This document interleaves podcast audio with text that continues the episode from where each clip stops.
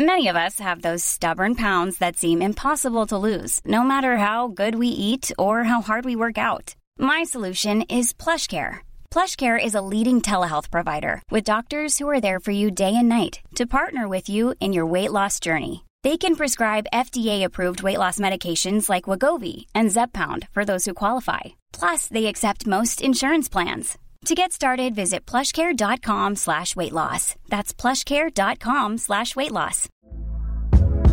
Hey there, it's Michelle Norris. I'm host of a podcast called Your Mama's Kitchen. When I travel, I'm usually looking for a way to find a taste of home when I'm not at home. And one of the things I love to do when I am at home is entertain. And Airbnb allows me to do that. When I was in California recently, I rented a house that had a great kitchen. And when we were sitting around the table, we're all thinking, we're in someone else's house. Someone could be in all of our homes as well. If you have a home, but you're not always at home, you have an Airbnb. Your home might be worth more than you think. Find out how much at airbnb.com/slash host.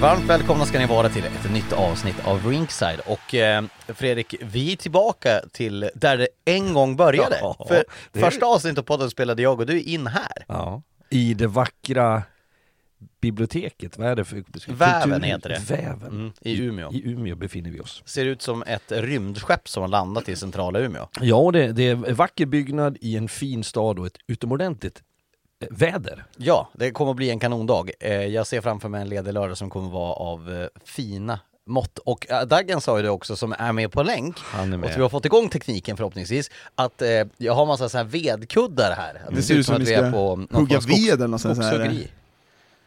Ja, det är inte riktigt min grej. Jag köper färdigkapat, men det kan ju gärna få framstå som att vi sliter här. Jag tror att det var Jag är ju, Ferry jag har ju Svan. skogshuggargener i mig Daggen. Vad sa du? Jag har ju skogshuggargener Ja, i mig. du, du har ju den lilla auran och kunna choppa upp lite. Men Ferry Svan ser ut att kunna trycka till lite där som har satt upp dem Ja men nu ser det ut som att du ska tävla mot Ferry idag när du har dem där på huvudet och kepsen och sitter med en burk, långburk fast det är inte öl. Det någon... Långburk energidryck Ja. av icke nämnt märke. Eh, vi, eh, det är ju så här att eh, eh, min far har lite mark från, eh, otroligt lite, men där vi vistas Halva. Västerbotten. ja exakt, en li- liten, liten dunge där. Då brukar jag ibland klyva. Men, men det här eh, Timberwolves eller vad det heter, när de, de står på en stock och så hugger de en yxa, allt det de har ner mot fötterna. Det är ju uh, Låt bli det. Ja vi, vi ska inte gå dit. Men kul att Fredrik är tillbaka. Det var ju en Ja, fröjd förra veckan. Välkommen åter! Tack, tack. Jag, jag tar den markeringen som, som det ändå är när, när man läktas så att säga, ett avsnitt, att får man ny chans att komma tillbaka så ska jag försöka säga något vettigt. Det känns Det, som... det blir lite Ursäkta, men det känns som att Fredrik, eh, man vet när man har blivit bänkad en sån där vecka, du Fredrik har varit tränare, men man, man går och söker upp, man söker kontakt hela tiden med tränaren, och Fredrik har gått så nära mig hela den här veckan nu när jag har varit i Stockholm. Och... Först, först surar man lite, eh, sen inser man att det här kommer inte hjälpa, då, då försöker man att skärma lite och komma närmare och ah, tja, god morgon, god morgon, god kväll. Visa att man bra? finns. Ja, och jag tycker jag har lyckats. Jag är tillbaks. Eh, en grej eh, innan vi går in på det vi ska prata om. Vi ska, vi ska prata om eh, semifinalerna, vi ska prata om de nya tränarna i Hockeyallsvenskan, vi ska prata om finalerna såklart. Eh, men eh, jag har ju blivit hotad. Oj. På tisdag så ska jag stå i mål i någon form av eh, hockeymatch. Eh, du har ju vi- vikt ner dig och vägrat delta. Du, jag kommer ha den viktigaste centrala rollen, jag kommer att vara coach. Ska du det? Jag ska ju vara målvakt. Mm. Berätta också vad det är och vad Daggen ska Ja, göra. Det är någon form av eh, hockeymatch som ska ske i Örnsköldsvik tillsammans med, med våra kollegor på Simor och lite andra journalister som ska vara med vet jag, typ Adam Johansson på Expressen. Det är väl Hockeyallsvenskans Hockeyallsvenskan drar jag ihop någon sån här match tydligen. Eh, och eh, Daggen har ju sagt att han ska sätta första slagskottet mellan ögonen på mig. Först, Jag ser fram emot det. ja, först ett huvud och sen ett mellan benen. Det blir dubbelskatt blir det. Smack, smack! Jag kommer att vara Sen, eh, jag tänker så här, och det kan jag väl ställa, jag följer med han till sjukhus i Övik bara, det är i och för sig inte något allvarligt men ändå, någon kan följa med han dit. Jag kommer att köra Chris Osgood, alltså dyka ut på puckar. Kommer Söderström bänkar mig, då kommer jag bli galen kan jag säga. Det är den jäveln om man bänkar mig vet så. Nej, tanken är att du ska spela, sen kanske inte det blir så mycket Dagen så, men, men något byte här och där tycker jag vi ska kunna Använder lyssna han i boxplay och Ja, sånt när ja. det blir lite fula utvisningar. Ja, eh, nog om det, men det ska bli spe- kul att spela hockey tillsammans. Eh, jag eh, får se om jag kanske spelar några utespelarbyten också. D- där kan jag ju säga att det är ju av en anledning jag väljer att sitta och podda och prata om hockey och inte spela. Men jag ska dock tillägga att jag har inte sedan jag flyttade hem från utlandet för två år sedan varit på is en enda gång. Förrän påskhelgen där min brorson Alfred, sex år, han har verkligen tvivlat på huruvida jag kan åka skridskor. Så då, då visade jag att det kan jag faktiskt göra. Sen var jag i Övik igår och skulle göra lite reportage, bland annat träffa David Bernhard och då skulle jag vara på isen så då fick jag låna Jakob Noréns skridskor, sex och halvor. Det Va, små vad är det, fossiga. 38? Nej, men typ 40. Ja. Och eh, jag kände en väldig så här äh, gemenskap med honom som också har små fötter. Och du vet vad små fötter betyder? Små skor. Ja. Ja. På tal om det, såg ni Harald City när han gjorde det här äh, reportaget mot äh, Marcus Kryger? Han skulle teka, man såg, det var ju som att det var 1980 Lake Placid sit- igen. han sitter väl kvar fortfartande där? Ja, varför, varför är han inte i tjänst just nu tror ni? De håller på och bänder upp han på hovet. De, har en domkraft de har på att olja in för att få upp han i stående Nej, läge. han, han var så oförskämt fräsch ut. Ja, det är faktiskt. Eh, till semifinalerna, vi, vi var på plats, eh, jag och, eh, jag höll på att säga vilka var där? Eh, Fredrik, du var där, eh, Daggen, du var där. Alla, alla vi var där på ja. match 6 på Hovet. Och det blev Djurgården som gick vidare från, från den där matchen. Jag tänker att vi ska inte prata så här jätte in i detalj på den matchen. Men matchserien i sig, nu har vi sagt en del i, i Simor. Eh, och Daggen, vad, vad är din generella sammantagna eh, bild av den här matchserien? Att den har gått eh, svängt fram och tillbaka, jag tror senaste podden vi körde Lars och sa väl vi att då, då, då kändes det som att det var fördel Björklöven helt plötsligt efter match tre där på Hovet, tyckte att de såg eh, riktigt bra ut, men sen så efter match fyra, jag tycker att Djurgården någonstans hittar rätt in i den här matchserien, jag tycker att de inte bjuder in Björklöven, de är bra försvarsspel, spelar eh, spelar efter sina förutsättningar. Eh, tycker att de gör det väldigt bra. Jag tycker inte Björklöven förlorar på grund av att de gör något dåligt. Visst, det är vissa spelare som inte har kommit upp i nivå, till exempel Löke, Olofsson bra, men det är många spelare som inte har kommit upp i den. Voutilainen tycker jag inte heller steppa upp, så man kanske har den här sista utposten att kanske stå emot. Men det är ett Djurgården som spelar efter sina förutsättningar, spelar enkelt nerifrån och vinner välförtjänt. Och att vi pratar väl om, du och Fredrik, om att de, de tog lite, drog lite läxor eh, efter match, Mm. match 1, match 2, match 3 och tycker att de på något sätt hittar in i den här matchserien och, och vinner ju såklart välförtjänt. Om jag börjar med Björklöven så tycker inte jag att de kom upp i, i rimlig nivå i vad jag hade förväntat mig av Björklöven. Jag tycker att det vi såg av Björklöven blev lite bortskämda av under stora delar av grundserien var det här explosiva, intensiva, offensiva spelet som eh, genom den inledningen på många matcher så lyckas man få så mycket till sin fördel och i synnerhet på hemmaplan. Eh, effektiviteten var hög, det var många som var med och bidrog.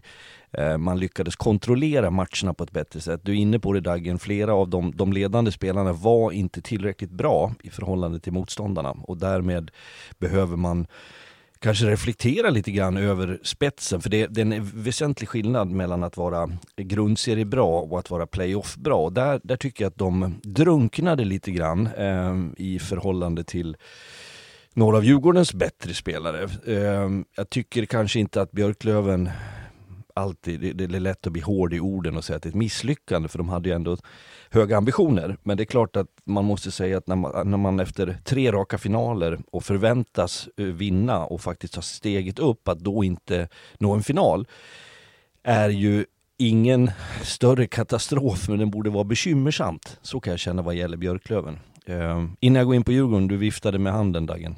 Nej, nej, nej jag, jag bara, Nej. jag tänker att eh, det jag tycker med Björklöven är att de kanske inte de kanske inte ändrar sin spelstil eller spelsätt under den här matchserien som de kanske borde ha gjort. Jag tycker Djurgården ligger i lite i bakvatten och låter Björklöven föra spelet. Eh, och sen otroliga kontringar på det som de straffar dem hårt på. Och Björklöven går in i fällan på gång på gång på gång tycker jag hela tiden med att man vill verkligen vara spelförande för och, och, någonstans under serien tycker jag Björklöven har hittat ett sätt att ligga lite i, vad ska man säga, på kontringshockey och gjort det väldigt bra. Eh, det får man inte riktigt till, för jag tycker att det är Djurgården som sätter sig i den positionen att eh, tillåta sig liksom inte vara spelförande och sen ligga där. Men Björklöven kan inte ändra en matchbild i den här matchserien. Jag tycker att de sista matchen... Är, är, det inte, är det inte det lite grann det som att att Djurgården har akklimatiserat sitt spel i den här matchserien för att slå Björklöven. Mm. Medan att Björklöven kanske inte lyckas lika bra med just det. Så är det ju delvis. Jag ska bara färdigställa på Björklöven. Jag har en lite annan nyans än Daggen just vad gäller Björklövens spel. Jag tycker inte att de var i slutspelet, eller i den här semifinalserien, lika konsekvent skickliga i spelet med puck. Jag tycker att de var forcerade, jag tyckte de tog den framåt i banan i tid och otid. Det vart lite mer eh, risky eh, hockey vilket eh, Djurgården skördade saker på. Om det var en en stress för att man plötsligt kände att det här är en matchserie som vi inte har fått tag på eller om det var en, en taktisk förändring, att man ville ta pucken framåt och på något sätt ställa till det för Djurgårdens försvar, det vet jag inte. Men det var min känsla, mitt intryck. Det vart mer ryckigt. Eh, jag hörde Viktor Stråle sa i någon intervju att eh, att de är aldrig ett lag som kommer att spela upp och back och liksom skott och styrning och så vidare. Eh, utan de, ska, de försöker spela sig till mer. Eh, det är spelvändningar, det är eh, spela sig till mål på något sätt. Eh, är det rätt väg att gå ett slutspel jämt? Alltså, jag, jag menar inte att det är fel, men jag menar bara på att eh, brukar det inte ofta vara, om man kollar på de målen som gjorts i SM-slutspelet och i Hockeyallsvenska slutspelet så är det ju, jag skulle inte säga att det är majoritet som är spelmål. Men det enkla svaret på det där är ju jag har inte läst det uttalandet eh, och jag har inte pratat med Viktor om det i den, den termen. Men vad, vad, det handlar om ytterst i ett slutspel är att vinna matcher, vinna fyra stycken i respektive serie. Och det tror jag inte att någon får bli så stor på sig, då menar jag lag, spelare, spelidé eller tränare, att man, man det överträffar förmågan att vinna hockeymatcher. Då, då tror jag att man hamnar snett jag vet inte om du missuppfattar mig Fredrik lite där. Jag, jag tycker att Björklöven pumpar på hela tiden och vill vara spelförande. men Jag tycker inte de klarar av det. Jag tycker inte att de har Nej, men det, det, förstår jag. Jag förstår precis vad du menar. Men jag, jag menar, du sa att de inte gjorde, hade några förändringar i sitt spel. Jag, jag kanske har sett att, känslan i alla fall, att man, man har frångått lite grann av kvaliteten i omställningar, spelvändningar, uppspel, att det har blivit lite forcerat, det har blivit lite stressat och att det då har blivit att vi skickar upp den, vi chippar ut den där, vi hoppas att vi kan förvalta det genom att få fart i mittzon. Och det, sen kan ju det hänga ihop med hur Djurgården spelar naturligtvis. Det, det var den nyansen jag hade. Ja, men det, det håller jag med om. Jag tycker att det, det, som Djurgården gör bra, att de, de går ju inte fram när de inte har läge att gå fram. Jag tycker Björklöven gick fram en, två gånger, går bort sig tre, fyra gånger i matcher som Djurgården straffar. Jag tycker inte att Djurgården någon, de ger inte bort de chanserna i den här semifinalen. Det är ytterst få misstag eh, där man ger Björklöven, Björklöven måste jobba, få jobba extremt mycket i, i den här semifinalen för att göra mål. Det behöver inte Djurgården göra, för det är Björklöven som ger bort dem. Sen är det ju att det är Djurgården som gör något bra, att de ligger på rätt sida tiden, straffar dem när det kommer, för de har ju kliniska kontringar här i den här semifinalen. Jag, jag är ju imponerad av Djurgården och det här är ju någonting som har vuxit över tid. Vi har förklarat mig förut vad jag menar med ordet tråkigt så det behöver jag inte göra igen. Men det, det är från ett tränarperspektiv att se det Djurgården har utvecklat under våren och slutspelet tycker jag, det, det tilltalar mig ur ett neutralt perspektiv. Förmågan att spela lite mer cyniskt, eh, cleant, eh, tydligt eh, och att man ger bort väldigt lite. Dessutom så har Djurgården adderat att de bästa spelarna var också bäst. Det är inte alltid spektakulärt det Marcus Kryger gör, men det är oerhört genomtänkt och det är väldigt effektivt och han leder med tydlighet. Sen är det ju också det att eh, den stora problematiken har ju varit backsidan i Djurgården och där har de ju hittat en lösning på problemet att fastna. Jag menar Edvin Hammarlund gör ju en väldigt stark semifinalserie. Stefan Elliot eh, jätte, jätte, jättebra. Arnesson spelar sitt enkla spel. Det känns som att de har, de har prickat rätt på det och som du säger, bästa spelaren är bäst. Brodin kommer tillbaka efter sjukdom, eh, gör 2 plus 1 i sin första match. Du har Kryger som leder varje. Du har den ungdomliga trion Ögren, Lekkerimäki och Östlund som drev de första matcherna där de gjorde alla målen. Och sen adderar de på då Norman som kommer tryck. Vejdemo gjorde någon bra match där i början på matchserien innan spearingen de har liksom träffat rätt på väldigt många punkter. Verkligen. Och jag tycker också, det här känner du igen dig i Dagen, att när man förtydligar ett försvarsspel egentligen över hela banan där rollerna blir mycket skarpare, där du minimerar dig, eh, för jag tycker att Djurgården var väldigt yviga under hösten. Då skulle man uppträda som att man var störst, bäst och vackrast även defensivt, vilket gjorde att man blottade sig. Och med ett tajtare eh, försvarsspel så blir också de, eh, de, den backsidan i Djurgården gynnades av det. Ja, men jag, jag, jag tycker verkligen att de har, de har sett vilken typ av backsida. Sen tycker jag Stefan Elliot och Killing har varit ja, men riktigt bra i slutet, men däremot så spelar de i början av säsongen så spelade de ju fast sig, man fick ju nästan man fick panik när man såg Djurgårdens backar krångla till det gång efter gång efter gång eh, under serien, men just nu, de minimerar misstag, de lägger ut den snabbt, ibland så kan det räcka med ett slagskott i sargen, och du vet om det som ytterforward, då ska du också ta kampen där uppe, det blir mycket, mycket lättare för dem, men de ser ju också att, att den typen av hockey har bärt frukt, och det, det ser man ju i den här serien också, att det är det som gör att de gör, och det jag tror det kommer krävas i finalen, när man möter ett Modo som spelar den här offensiva hockeyn och frejdiga hockeyn, så kommer det krävas att man måste hela tiden minimera den här ja, men istiden i offensiv zon, för de kommer utsättas för den typen av hockey. Då gäller det att få ut den så snabbt som möjligt, för att liksom, på något, döda liksom den här offensiven. Vi, vi, ska prata mer i Djurgården när vi kommer in till finalsegmentet och det kommer ju sist i den här podden. Vi har lite nyheter vi ska prata om däremellan. Men eh, för Björklöven nu då, så är det ju, det tar ju slut eh, som det gjorde för AIK, som det gjorde för Mora. Det, tar, det går mm. från 200 eh, knyck till, till att det är totalt stopp. Mm. Det är många spelare som har kontrakt nästa år, det är många spelare som, eh, som har eh, spelat till sig intresse från andra eh, ligor högre upp, både SHL och säkert runt om i Europa. Vad tror ni kommer att ske med Björklöven? Alltså tror ni att, tror ni att det är dags för det några tuffa beslut? Är det, är det ungefär samma trupp med lite tillspetsningar som kommer, vi kommer att se nästa år?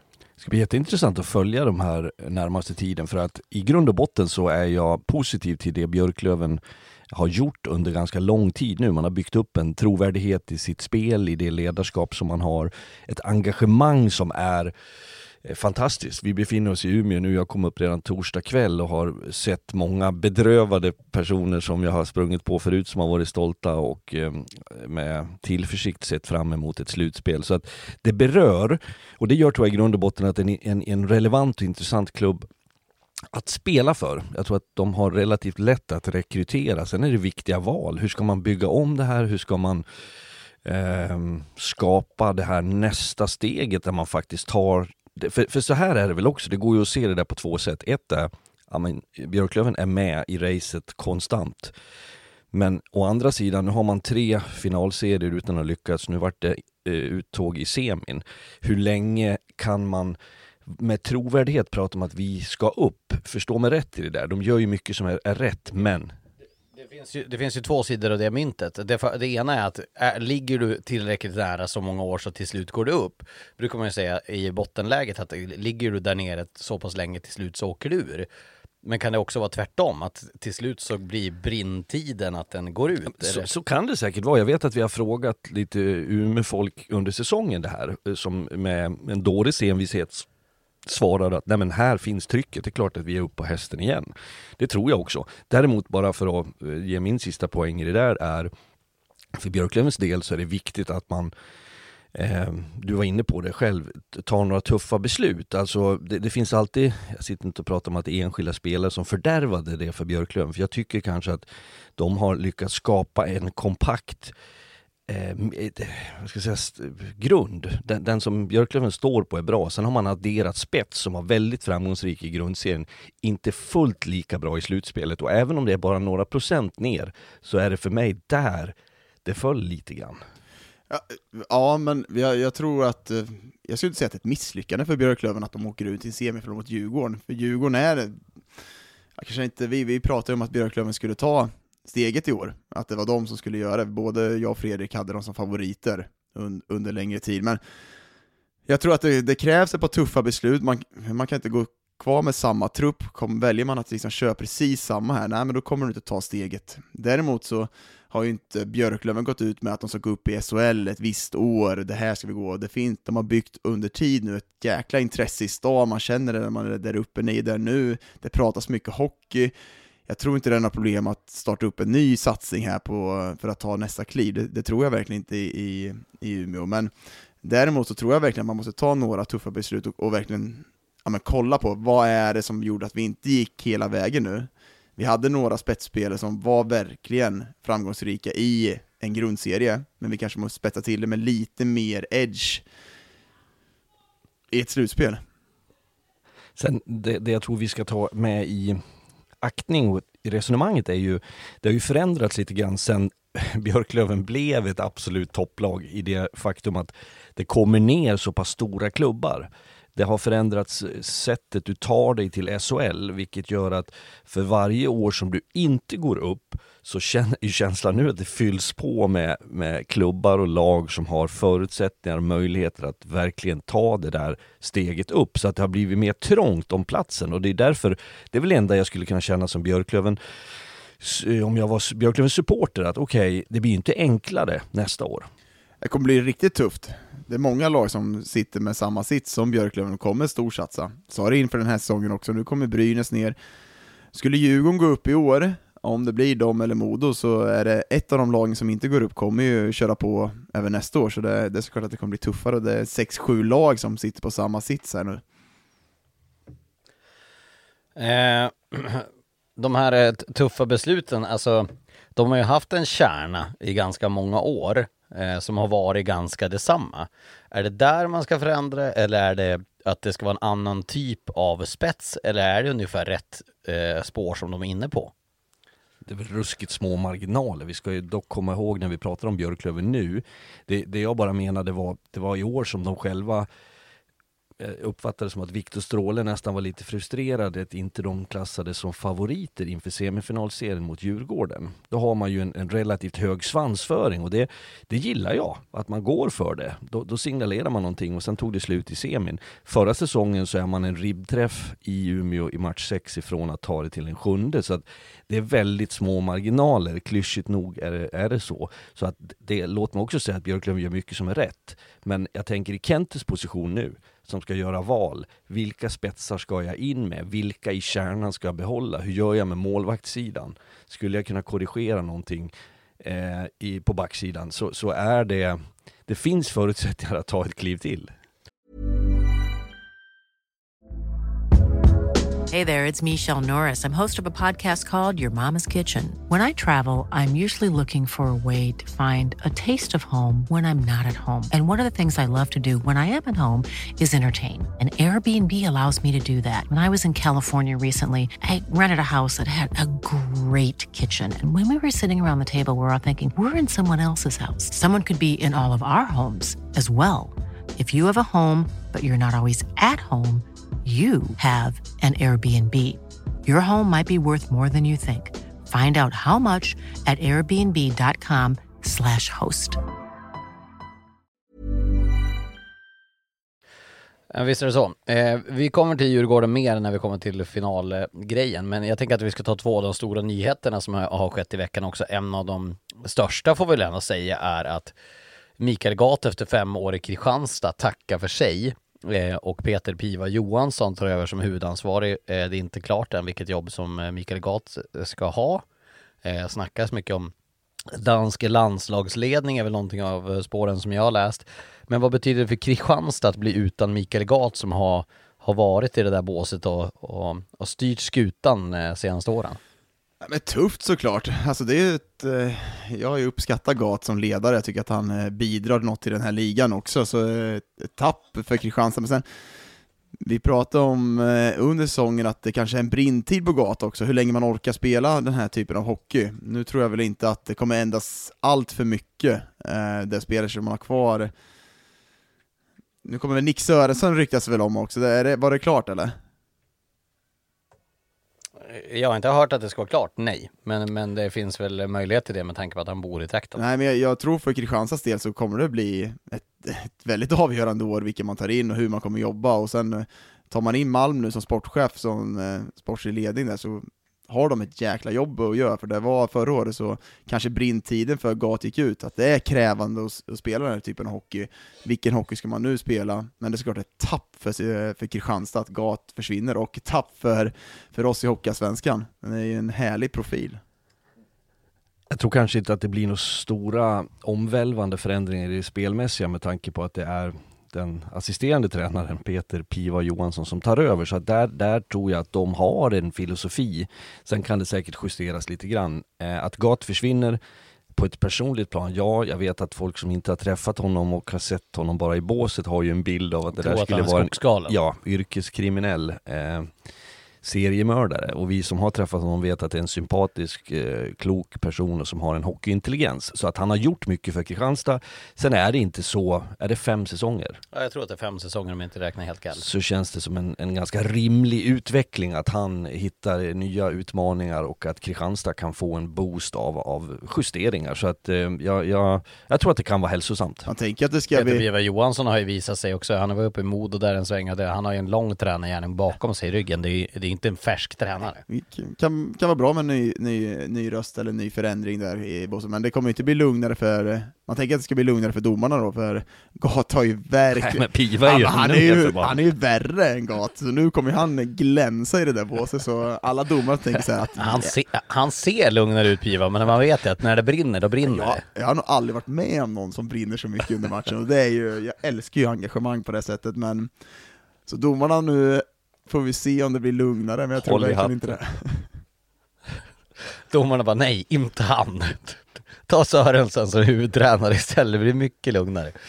Nej, men eh, det ska bli intressant att se vad Peter Piva Johansson kan göra för, eh, för Kristianstad och, och Mikael Gatti bara lyfta på, på hatten, inte minst för resan som de gjorde förra säsongen, att gå från kvallag med en stolpträff eh, från Väsby från att åka ur till att vara ett lag som hotade Modo i den där kvartsfinalen i fjol över sex Jag matcher. menar bara, vad, vad mer kan han göra i det här Kristianstad? Det kanske är dags, som Fredrik är inne på, ny röst, hitta på något nytt och se vad man kan ta det här vidare, för det var, jag tror verkligen inte man, man kanske var klara med varandra inför, inför den här säsongen. Sen är ju min känsla att eh, det säsongen 21-22 så var det ju överträffar de alla förväntningar och tror jag även sina egna förhoppningar, vilket skakade om dem lite grann. Det är lätt för en klubb och för spelare, ledare att få fel självbild. Eh, den här säsongen så var man inblandad i dramatik och i sent i serien lyckas undvika då ett negativt kval. Kanske gett en ödmjuk touch så att det med facit i hand kanske det här året var bra för Kristianstad att landa i. Var står vi? Var är vi? Vi vet att förutsättningarna är tuffa och att de gör väldigt mycket bra saker med små resurser under ledning av Totte som är det självklara navet i Kristianstad. Totte han, Karlström. han har ju en eh, specifik roll att han är, är det ma- mas- massör eller naprapat och klubbledare. Ja. Det är ju en, en kombo som är svårslagen på ett CV. Eh, sen har det hänt saker i Västerås också. På spelarsidan har det hänt väldigt lite i Västerås, men det kanske kommer så småningom. Men däremot så är det ju färdigt nu med en ny huvudtränare och vi har ju en i poddtrion som hade han som huvudtränare så sent som i fjol.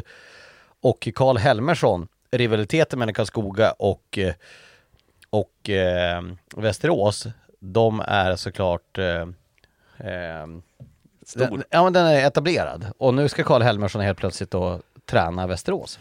Ja, det blir ju eh, riktigt, riktigt intressant skulle jag faktiskt säga. Jag, jag tror att för Västerås del så tror jag att man får in en tränare, eller jag vet att man får in en tränare som kommer vara nitisk i sitt försvarstänk. Och om det är något de saknade förra året så var det struktur i spelet och Karl kommer inte lämna något åt slumpen där. Det han gjorde bra i Karlskoga när han kom in var att verkligen förändra den typen av hockey i Karlskoga.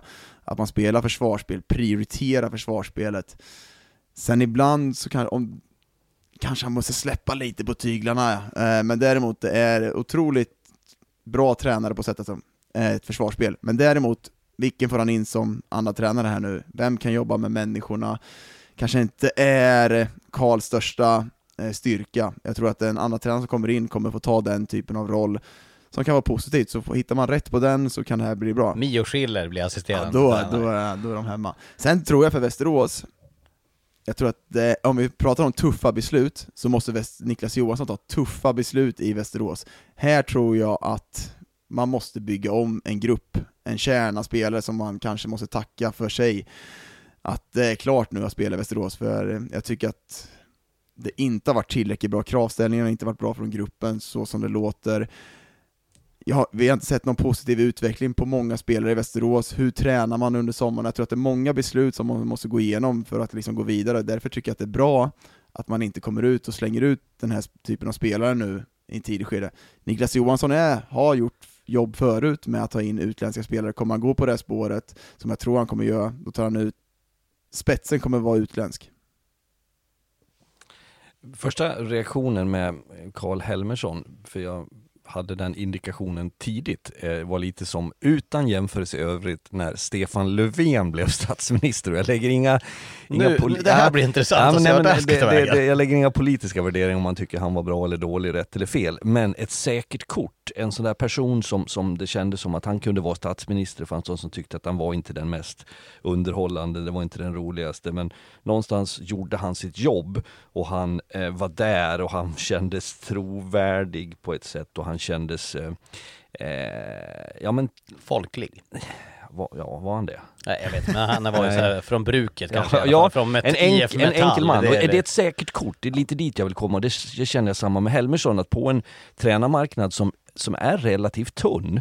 Jag vet förvisso att det finns kandidater som, som, som skulle också kunna vara ett alternativ där, men jag har fått intrycket på mm, från Karl Helmersson en, en väldigt eh, som du är inne på Dagge, du kan ju som, som du har redogjort för, som har haft honom, prata på ett annat sätt. Men mitt utifrån perspektiv är, han har tydliga prioriteringar kring spelet, försvarsspelet har blivit en en, en viktig del för honom att, att prioritera, att det är viktigt att man, man bygger utifrån det. Det kan uppfattas som lite tråkigare hockey, lite begränsat, eh, men det är över tid så vinner du lite halvkniviga matcher på att du klarar av att försvara det. Det blir en tydlighet i spelet. Som spelare så är det ganska mycket enklare om du vet vad du ska förhålla dig till.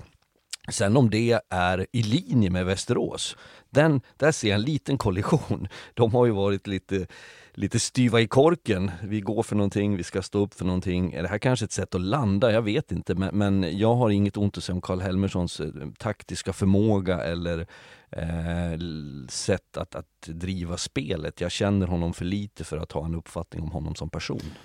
Ja, men jag, jag, tror att det är, om man säger att det går i linje med Västerås, tror jag att eh, man, man ska nog gå tvärtom vad man har tänkt innan. Eh, för det har ju verkligen inte slagit bra ut i Västerås. Den här säsongen är ju ett riktigt, riktigt Nu lyckas man lägga, eh, lägga sig lite på positivt i slutet, man går till en åttondel, man kommer inte längre. Men det största vikten för, för Niklas Johansson, det är att rensa ut. Jag tror verkligen inte på att den här, den här kärnan av spelare ska vara kvar i Västerås. Jag tror man måste ta tuffa beslut där. Frycklund, ah, är han den som ska leda det här Västerås framåt? Vet inte. Jag, jag, jag tycker att Niklas Johansson ska gå en annan väg, men det ska bli väldigt intressant att se om man går den. Nu försvinner ju Zetterberg också, så det är ju några av kärnan som jag har lämnat. Ja, jag tror att kanske det är dags för Jimmy Jansson också att se sig om. Att gå till någon annan klubb. Dels för honom, men också för Västerås kolla på de typerna av spelare, det, det har inte funnits den positiva utvecklingen på länge nu och någonstans är det gruppen som gör den också. Jimmy Jansson är en fantastisk hockeyspelare, men för hans utveckling också, kanske han ska lämna, jag tror för Frycklunds utveckling också, lämna. Bra Zetterberg att han går, han ska till Tjeckien nu, eh, men det kommer bli tuffa beslut och jag tror att det är många som kommer bli irriterade på att man inte går vidare med vissa spelare, men då gör man det rätt också, enligt mig. Jimmy Jansson slog mig bara nu. Slog han dig? Nej, nej han har inte slagit mig. Det var Weigel som slog mig. Han är under... Ja, Disciplinnämnden kommer om en timme här med utlåtandet. Jag har fortfarande blåmärke över hela ryggen. Fejkklockan klarar sig? Nacken. ja exakt, det var, det var ju faktiskt lite kul. Rolex. Ja, det, det är ju ingen Rolex ska jag säga, sånt har inte jag råd med. Eh, nej men eh, Jimmy Jansson, vad, vad säger du om det här? Det här tog jag bara på när Daggen pratade så han jag ju fundera lite grann. Eh, Jimmy Jansson ersättare till David Bernhardt i Modo. Ja, Slänga upp här. Ditt tonläge och röstläge gör att det, det lät som du berättar nyheter. Så nej, men, nej, men mer bara jag en spaning. Ja. Jimmy Jansson är en sån som skulle, om han skulle byta miljö, mm. skulle kunna få en väldigt positiv utveckling. Säg att Verkligen. han skulle gå till ett Modo eller till eh, ett eh, Brynäs. Mm. Känns som en ganska given sån. Eh. Det finns ju ganska många spännande spelare i Hockeyallsvenskan som skulle med ett miljöombyte få en, en, helt annan roll och få en utveckling. Så har det ju alltid varit. Jag tänker bara... Jimmy Jansson och, eh, och Johannes Kinnvall i ett första backpar i Ja, då händer det grejer. Eh, men jag, jag, förstår också om Västerås inte kan rensa allt och jag tänker kanske också att om man då har en ny ledning in, ny GM, nya tränare, eh, så går det ju faktiskt att få fart på de här. För det tycker jag vi såg lite grann redan i sluttampen här med finländaren i båset, att det blev lite annan karaktär på dem. Så det, det, är väl en fråga också hur man hanterar dem och vilken kravbild du har på dem och hur du lever i din vardag. Mm. Och, då är det ju, en kravbild är ju det första om de ska vara kvar. Det har ju det har inte funnits i Västerås. Jag tycker att den, du kollar på disciplinen de har haft under, under flera gånger den här säsongen, framförallt förra säsongen också, förrförra blir det då. Alltså det blir ingen konsekvens av att man gör de här typerna av utvisningar och tar de här grejerna, så ska de vara kvar då måste Karl, dels att han sätter försvarsspelet, men då måste han ställa krav på de här spelarna. Och det, det har inte funnits innan. Frågan är vad som händer med Panana nu? Jag har ja. inte hört någonting där.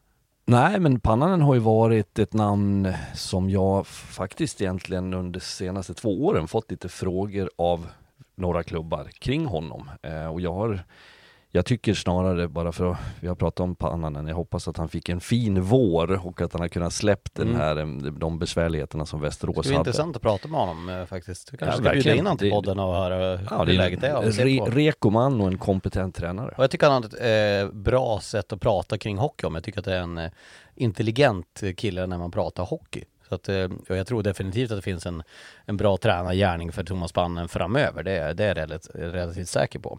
Eh, ytterligare tränare har det hänt. Mora, Daniel Hermansson, klar som eh, eh ersättare till Johan Hedberg. Vi vet också att Peter Iversen eh, flyttar på sig. Han, det är, alla säger Frölunda och jag har svårt att se att det inte skulle bli så om det är så många samstämmiga, samstämmiga uppgifter som pekar på det. Men eh, efter 23 år i Mora lämnar han.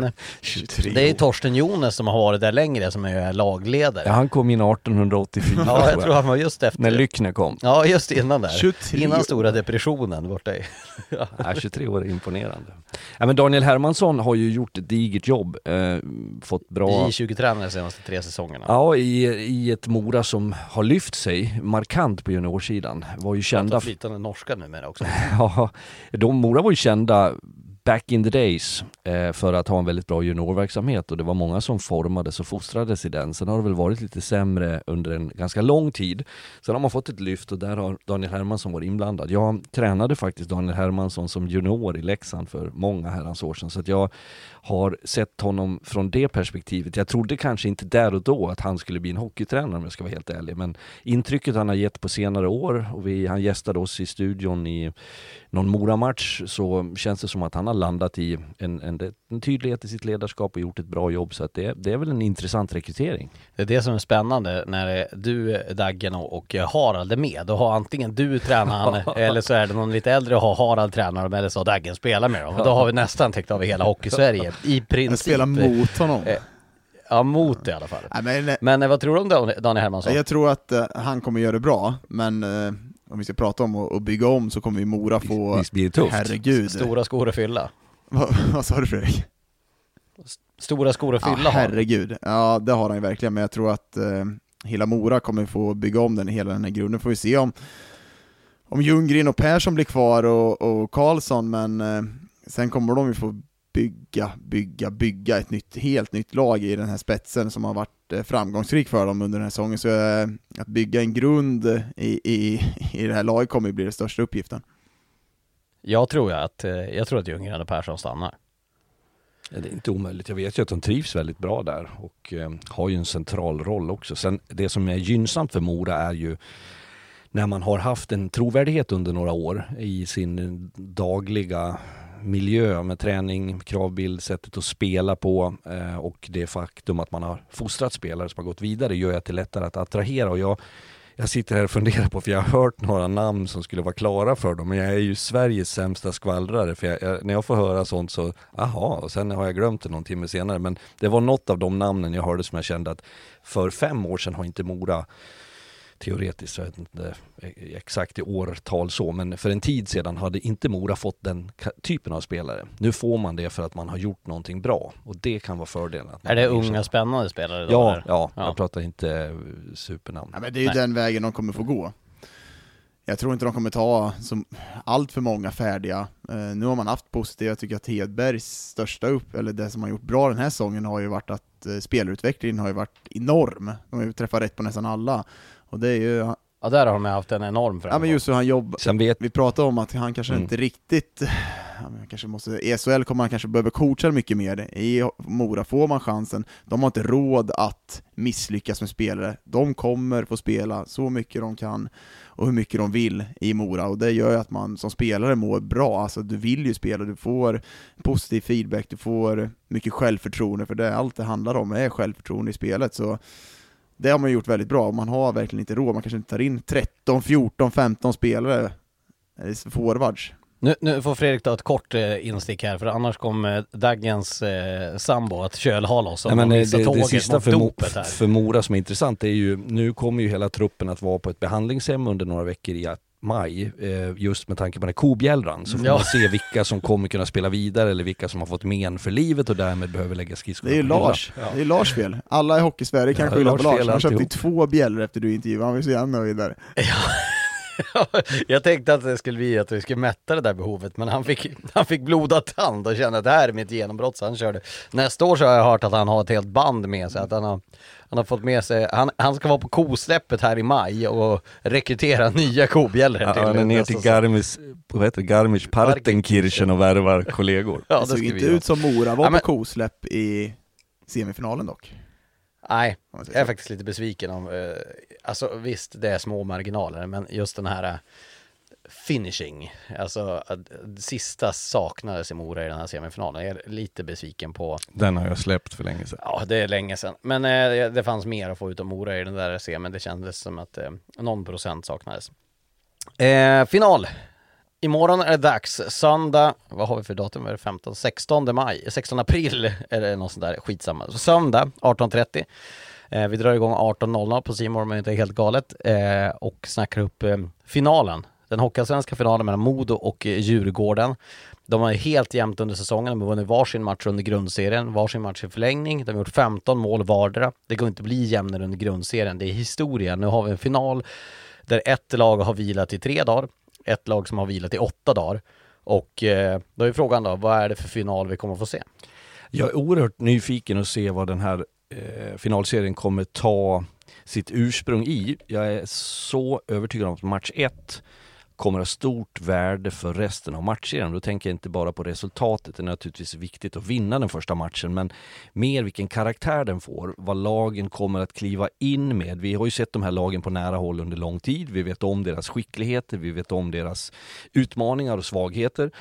Men vi har inte sett dem i en finalserie för det, det adderas någonting ytterligare som gör det väldigt intressant att titta på. Jag tänker i stort bara att det är två lag som påminner lite grann om varandra när det handlar om att man vill spela hockey, att det är det primära att vara konsekventa. Sen kan jag känna att det är ett Modo som har en eh, ruskig förmåga att spela bra offensiv. Omställningar, farten genom mittzon, de här långa anfallen där man skulle kunna sätta Djurgårdens försvarsspel på prov. Det är ett Djurgården som har blivit väldigt stabila och solida, som är tydliga i sin defensiv, som har lyckats i mångt och mycket att hålla motståndarna på utsidan, som har varit effektiva i sina kontringar, att spela lite grann på motståndarnas misstag. Sen kommer det att vara, jag säger det bara som en självklarhet, men målvaktsspelet är avgörande. Special team vet vi om sen gammalt och dessutom tycker jag att det handlar om förmågan att under en begränsad tid, ett relativt tätt matchande, även om det är eh, bonusdagar mellan match 2 och 3 samt 4 och 5 som inte det var förra året om jag minns rätt. Exakt, det, det är två lediga dagar mellan dem. Eh, så att det kommer kanske kunna bli en lite bättre återhämtning. Men det, det, det, jag har en känsla av att det kommer bli en väldigt bra finalserie. Ja, det kommer det definitivt. Jag tror Djurgården kommer fortsätta på den inslagna vägen man har gjort under semifinalen och kanske fokusera mycket på försvarsspel. Man kommer ju utsättas för en rörligt anfallsspel, backväxlingarna, platsväxling, uppe på blå. Eh, de är ju otroliga forwards uppsättning. Bredden har ju vi ju berömt i Modo, att de har träffat rätt nästan på alla forwards nu. Om vilka man släpper in så kommer det vara ett offensivt hot. Men sen så, jag tror för Djurgårdens del så tror jag verkligen fysiken kommer spela in här. Jag tror att Brodin, Norman, eh, Berglund, de här typen av spelarna kommer behöva spela fysiskt på Modos backar för att sätta press varje gång. Skulle Djurgården nypa en match uppe i Örnsköldsvik så är Hovet en, en X-factor. Det är verkligen det. Alltså det vi upplevde här nu de senaste, det är tufft att komma till Hovet som bortalag. Så skulle man nypa en på bortaplan här nu, ett eller två, då är det tufft för Modo att komma dit. För det, det trycket som vi upplevde här nu i semifinalen är att det är en fördel, det är en ruggig fördel att spela på hemmaplan när de har det här publiktrycket. Ja det var ju vansinniga inramningar, inte minst i match 4 och 6. Eh, om vi går igenom eh, målvakterna, Christer Gudlewski som jag har varit ganska uttalad efter det här slutspelet mot eh, Galaida som verkar nu kanske vara speldugligt skick och Jesper Myrenberg. vad, tycker ni om styrkeförhållandena där på målvaktssidan? Först ska jag säga en intressant sak som jag pratade med Mattias Karlin om igår när jag var i Övik och gjorde ett reportage. Mm. Så framhävde han Gudlewskis eh, position i gruppen som en väldigt kraftfull person. Krävande, tuff, tydlig, ärlig, rak. De här egenskaperna som inte alltid landar hos målvakterna utan brukar kunna vara snarare utespelare. Men, men det, jag, inte för att jag hade tvivlat, men han förstärkte den bilden. Så att han har pondus och han har tydlighet. Jag tycker att Gudlevskis har varit bättre än vad eh, Korpan har kraxat kring under hösten. Att han skulle ha bekymmer att ersätta eller ja, ta, ta över första spaden från Texi från i fjol. Ja, men jag, jag, tycker att han har gjort det bra. Sen, sen, vet inte jag om de absoluta prövningarna är där än. Eh, det är det vi kommer att få se lite grann, men jag tycker definitivt att Gudlevskis håller hög klass och bara för att summera Djurgårdens målvaktssituation så har ju den varit smått bizarr. Men jag skulle säga att även om Galaida skulle vara spelbar så tror jag fortfarande att det är Myrenberg som ska stå. Ja, jag, jag, skulle nog väga över till att det är fördel Modo här. Eh, jag tycker Gulevskis under perioder i semifinalserien steppar upp och är bra. Eh, det kommer några ströchanser i sista matchen som han visar en klass, och jag tycker att han har gjort det under längre tid. Eh, så han, han kommer vara klar etta. Skulle de få en skada på honom så är Tex en riktigt, riktigt bra ersättare. Jag tror som Fredrik också, för Djurgårdens del så tror jag Myrenberg kommer stå om det kommer bli om Gelaida kommer tillbaka som det ryktas om. Myrenberg, jag tycker försvarsspelet ser lugnare ut när Myrenberg spelar än vad Galaida. Galaida kan upplevas lite säga, flängig i sitt spelsätt, vilket gör att, så jag vet när man spelar till exempel boxplay så gillar man en, en målvakt som är lugn i målet. Myrberg känns lugnare för mig, vilket gör att man också blir, man litar på honom i, i, i skott från sidan. Det, tycker inte man upplever det med Galaida på samma sätt, så jag tror att Myrberg kommer stå i den här finalserien. Men, men eh, du tycker fördel Modo på målvaktssidan ja. Och Fredrik, du är... Ja, jag håller nog med Daggen där. Eh, dock ska jag säga att, att Myrenberg har imponerat på mig från han klev in, verkar ju hur cool som helst. Eh, Lite Carl Lindbom eh, cool? Ja, ja, både det och sen i, i själva Alltså det är omvälvande att kastas från eh, sommarlov nästintill, även om man har hållit igång till att plötsligt in i en, i en klubb som har mycket att, att bevisa och som har en hög kravbild och i rätt matcher var väldigt Sen, bra. Viss press får man ju säga att han har på sig. Mm. Han är ju kaxig också. Riktigt kaxig som kan äh, irritera folk också. Jag vet några gånger jag mött honom, han tar den i plocken och kastar den typ i hjälmen på mig. Så han har ju den där härliga kaxigheten. Oh, men så, så finns, kan ju finnas goda skäl till det. På kan det vara så? Fall, ja. jag gillar hans attityd där ute. Jag gillar, han verkar ju ha ett psyke som är enormt, så, för det är inte lätt att komma in sådär som han gjorde. Backsidan då? Jag menar, Modo som kör ju Pontus Nässén har ju vaknat till liv i semi, eller han har höjt sig tillbaka till sin, till sin status i semifinalen, tycker jag verkligen han har fått en en, ett uppsving eh, tillsammans med Bernhardt för han eh, i kvartsfinalserien hade ju Pontus Näsén det faktiskt ärligt eh, rätt kämpigt men i semin tycker jag att han har, visat sin storhet. Sen har man ju Brickley som de har förhoppningar om att han ska vara tillbaka. Ingman har gjort ett bra, en bra säsong i, i, i totalen. Eh, Folin och eh, Folin ser man inte så mycket och han är, gör ju verkligen jobbet i det tysta. Ja, det är då man är bra. Ja, verkligen. Eh, och så sen då har du ju då dessutom utöver det då eh, August Berg som man nästan glömmer bort att han spelar i det. Sa Fredrik såhär till spelarna, backarna, fan jag ser det inte där ute, du är så jävla bra, sa han till sina ja, det är fan en av de bästa. Det är som med domarna när man funderar efter, vad fan var det som dömde idag? Ja, det brukar vara ett bra tecken. Ja.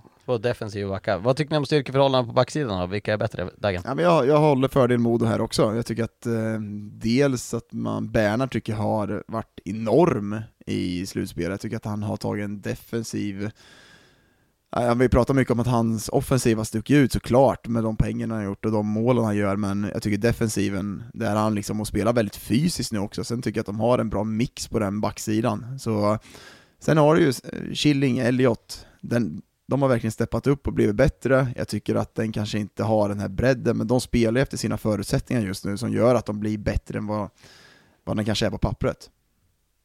Kevin Karlsson har ju fått spela lite mer nu, fem, match 5-6. Inte minst match 6 spelar han ju mer än vad han gjort på, på länge. Ja. Det var inte mer det jag ville, men du får summera Ja, totalen och skit i vad jag sa. Nej då, inte alls. Eh, nej, Dagen resonerar eh, i, i de termer som jag gör också. Det som det man ska komma ihåg är att det här handlar ju inte om, för plockar du namn för namn, om du sitter och droppar dem, så, så, så finns det mer på Modos sida som kanske sticker ut. Eh, men det är också en förmåga hos en spelare och en, en, en del av ett, en lagdel så att säga, backarna, hur du väljer att spela. Och det är där jag tycker att det har varit ett genombrott för Djurgården, att man har, man har snyggat till sitt, eh, sin defensiv genom att vara striktare, vara enklare och jag tycker det känns som att alla har köpt in sig på det. Tolererar det, accepterar det och gör rätt saker. Det gör att Djurgårdens backsida tycker jag har varit ett ett viktigt vapen i semifinalserien mot Björklöven. Att de har stått emot. De har varit väldigt enkla i sitt sätt att spela på. Då menar jag det i dess bästa mening.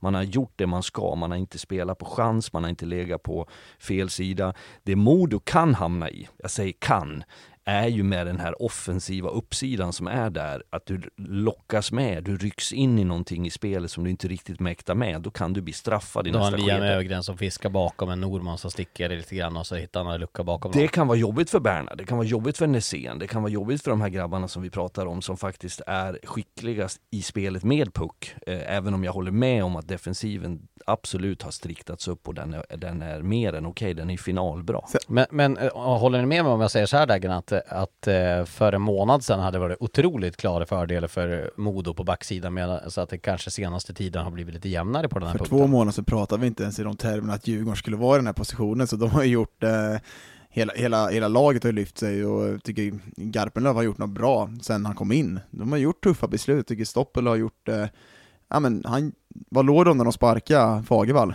Tvåa? Ja, någonstans, ja, tre, ja, Ja men att någonstans ta det beslutet, man, man, man ser, det, det syntes ju ganska tydligt att inte spelet fungerar i 5 mot 5 spelet. Och det är ju Garpen verkligen satt nu också, det ser mycket bättre ut.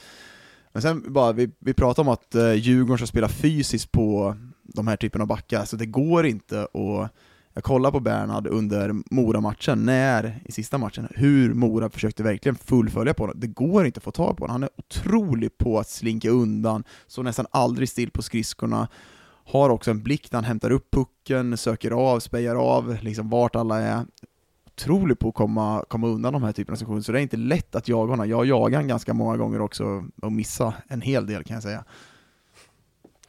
Men eh, jag, jag tycker den, den enskilt största anledningen till Djurgårdens lyft det är ju att man har spelare tillbaks. Ja. Det, det, de har ju haft en mardrömssäsong sett till frånvaro. Skador, sjukdomar, JVM som har stört dem och rubbat dem, vilket också gett oss problem att värdera Djurgården. Vad har de för kapacitet? Vi har fått spekulera och gissa. Tillsammans med uppstyrning av vissa delar i spelet så, så är man där man är idag. Så att eh, jag tycker egentligen inte att det är någon sensation att Djurgården går in i en finalserie, om vi tänker i stort. Sen har ju vi svajat och när man har expert på visitkortet så får man ju hålla på så. Så är det. Eh, Forwardsidan då, där känns det ju Ja, ni får säga vad ni tycker, men jag upplever att det är ganska jämnt på den sidan. Det är, båda lagen har väldigt starka forwardsuppsättningar. Definitivt. Sen ser de lite olika ut. Jag upplever att det är ett Djurgården som har eh, rutin, som har tydlighet, som har smartness, eh, ledarskap, spelarskap. Ett eh, Modo som har eh, fantastisk spets. Eh, Halloran som har vuxit och blivit väldigt intensiv. De som vi har pratat om med Dickinson och Woods, Ågård och allt vad de kan heta, som, som verkligen har kapaciteten att spruta in poäng. Jag, jag vidhåller ju att jag tycker att eh, Modos eh, första kedja fortfarande har något, ste- något steg till. Dickinson är ju såklart inte 100% än. Han har ju blivit bättre och bättre. Nu är frågan hur han har mått av att åtta dagar ledig från match igen då. Snarare nästan så att man skulle skicka in han och får spela J20-matcher, jag vet inte om de spelar det fortfarande. Jag tror inte. Men, men eh, och så eh, Ågård Woods, den kedjan måste ju vara Modos bästa. Jag tycker att Marcus Vela finns det, de, det har snackats mycket om under den här säsongen att det ska vara en slutspelsspelare. Jag tycker inte att man har sett speciellt mycket, ja, visst han har gjort några mål här och där, men jag tycker att han fortfarande spelmässigt finns det en del mer att önska från Marcus Vela. Eh, sen har ju tredje kedjan Södergran har ju växt ut till att bli målskytt och börja utnyttja sin storlek och, och skridskostyrka till att bli ett offensivt hot. Sen finns ju Adam Petterssons rutin där. Manberg lite sparkapital. Sebastian Olsson har varit skadekänningar. Han har ju ett bra driv i spelet, att kunna förflytta pucken och, och vara jobbig och flytta till långa anfall. Jag tycker, jag tycker att, ja men hela... Jag, jag har inte så mycket att säga egentligen, men jag bara att det, den jag är bra. Dick, jag tycker Dickinson ser bra ut. Jag tycker att han, han är otrolig i närkampsspelet, men vi jämför det som, det som faller dem lite, Eh, som blir tuff för Modo, det är vi jämför dem med serien hur det såg ut under när de var så, eh, de gled ju igenom där och spelet satt eh, hela tiden, men vi jämför dem lite med vad de var då, jag tycker att de har ändrat lite spelet, de har blivit lite mer slutspelsredo på slutet. Ja, jag, jag tycker att den kedjan med Dickinson och Wood, det, det är klart den kommer bli Ågård, den kommer stå för en offensiv, men orkar de att inte liksom chansa i spelet, Modo? För chansar Modo i spelet, att man liksom går bort sig lite, att man blir lite ivrig och går framåt den här offensiven. Fredrik, du pratar om att backarna, eh, man vill hänga med när man får chansen. Då kommer Djurgården straffa dem. För de ligger i bakvattnet, precis som i semifinalen, de kommer smälla om. Det kommer smälla, det går snabbt när de ligger där. Jag tror också att det kommer ha väldigt stor betydelse. Vi pratar ju spetsen och vi pratar stjärnor och så.